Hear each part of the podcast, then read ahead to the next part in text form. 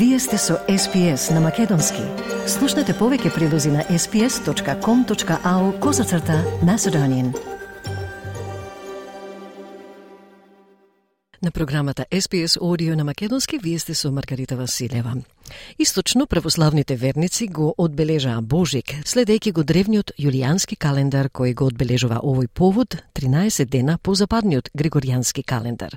Во виорот на две војни расположението беше мрачно за многумина оваа година, при што голем дел од вообичаените традиции и прослави беа прескокнати или затаени. За SPS News прилог за православниот Божик подготви Бива Кван.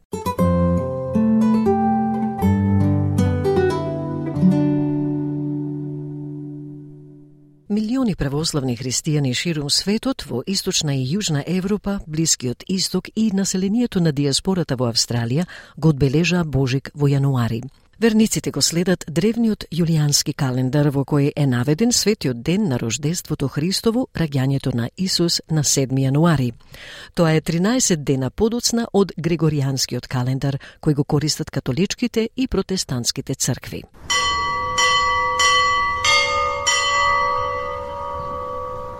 Во Московската катедрала Христос Спасител луѓето се молеа пред најпознатата религиозна слика во Русија, иконата на Тројца од 15 век, дело на Андреј Рублиов. Уметничкото дело беше извадено од работилница за реставрација и изложено на богослужба на православниот бадник. Едно од присутните во црквата, Татјана, вели дека незината желба оваа година е едноставна. Цитат, многу е важно да се молиме за нашата Русија, многу е важно затоа што сакам мир. Сакам да имам мирно небо над нас, затворен цитат изјави Татјана. Важно, очень важно молиться. It is very important to pray for our Russia. It is very important because I want peace. I want to have a peaceful sky above us. Небо. Во јужниот руски град Белгород православните божикни богослужби беа откажани поради борби, вклучително и најсмртоносниот прекуграничен напад во Украина во војната, каде што на 30 декември беа убиени 25 лица. Но во неговата резиденција во Ново Огариево во западните предградија на Москва, рускиот председател Владимир Путин им се придружи на семејствата на руските војници на служба.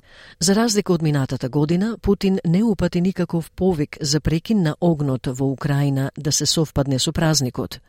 Соочувајќи се со избори во март, тој го ублажи јазикот во својот говор за да се фокусира на традиционалните вредности и единството. Председателот Путин изјави, цитат, Знаете дека многу од нашите луѓе, нашите храбри, херојски момци, руски војници, дури и сега на овој празник ги бранат интересите на нашата земја со оружје во рака. Нема да ги допрам деликатните, дури и тешките работи во врска со вашите семејства, не денес, на празникот. Затворен цитат, изјави председателот Путин. Вы знаете, многие You know that many of our men, our courageous, heroic guys, Russian warriors, even now on this holiday, defend the interests of our country with arms in hand. I'm not going to touch on the delicate, difficult even things concerning your families, not today, on the holiday. всегда будем рядом с вами. Во Украина многумина веќе го одбележаа Божик на 25 декември, заедно со поголемиот дел од христијанскиот свет, чија цел беше да се оддалечи земјата од руските традиции и влијанија. Промената стапи на сила за прв пат овој декември, откако во јули беше подпишан закон од председателот Володимир Зеленски, кој ја одразуваше вознемиреноста на украинците од руската инвазија. Но имаше божикни богослужби во областите во Украина под контрола на Русија и за членовите на Украинската православна црква, кои одлучија да не се префрлат на датумот на 25 декември. 37 годишниот IT специјалист Андреј Корхут вели дека ги следи своите вообичаени божикни ритуали, вклучувајќи гозба со 12 јадења и со желби за новата година. Тој изјави, цитат, победа се разбира, победа на Украина во оваа војна и мир за луѓето да може да живеат спокојно и да создаваат нови работи. Затворен цитат изјави IT специјалистот Андреј Корхут. Перемоги. Victory. Of course, Ukraine's victory in this war and peace so that people can live calmly and create new things. Створювати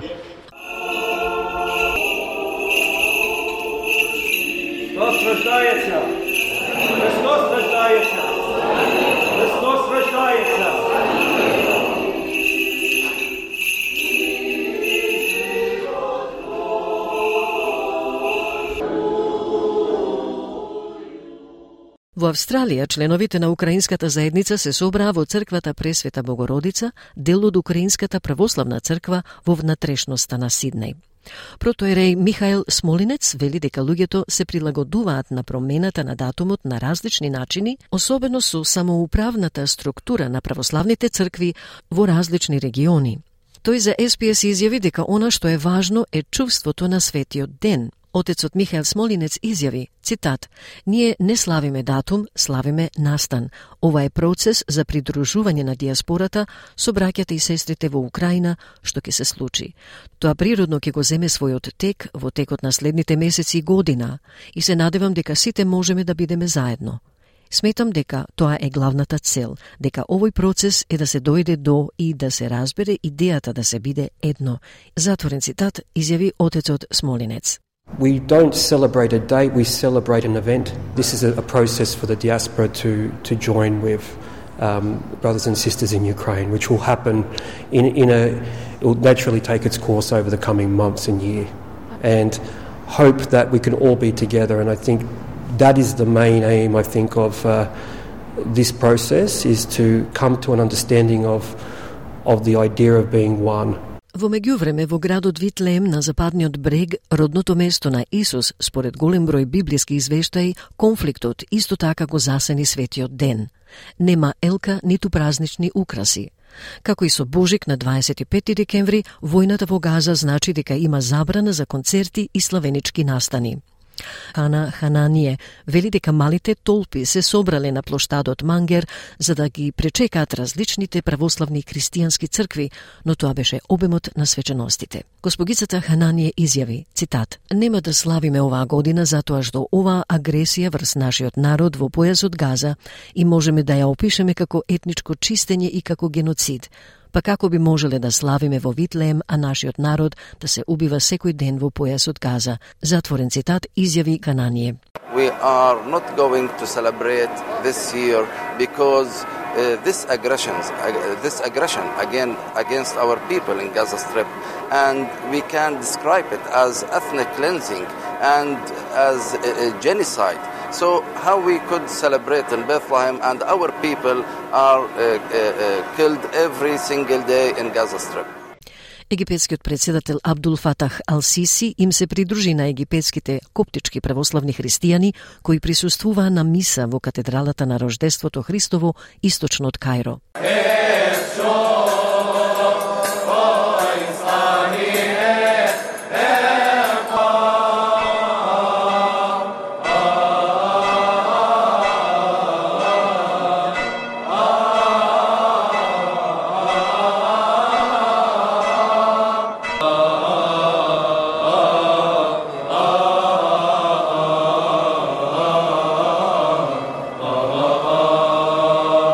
Борбите во Газа принудија стотици илјади палестинци да се упатат кон египетската граница кај Рафах. Председателот им кажа на присутните во црквата дека светот бил сведок на неколку кризи од 2020 година и се надева дека 2024 година ќе донесе позитивни промени.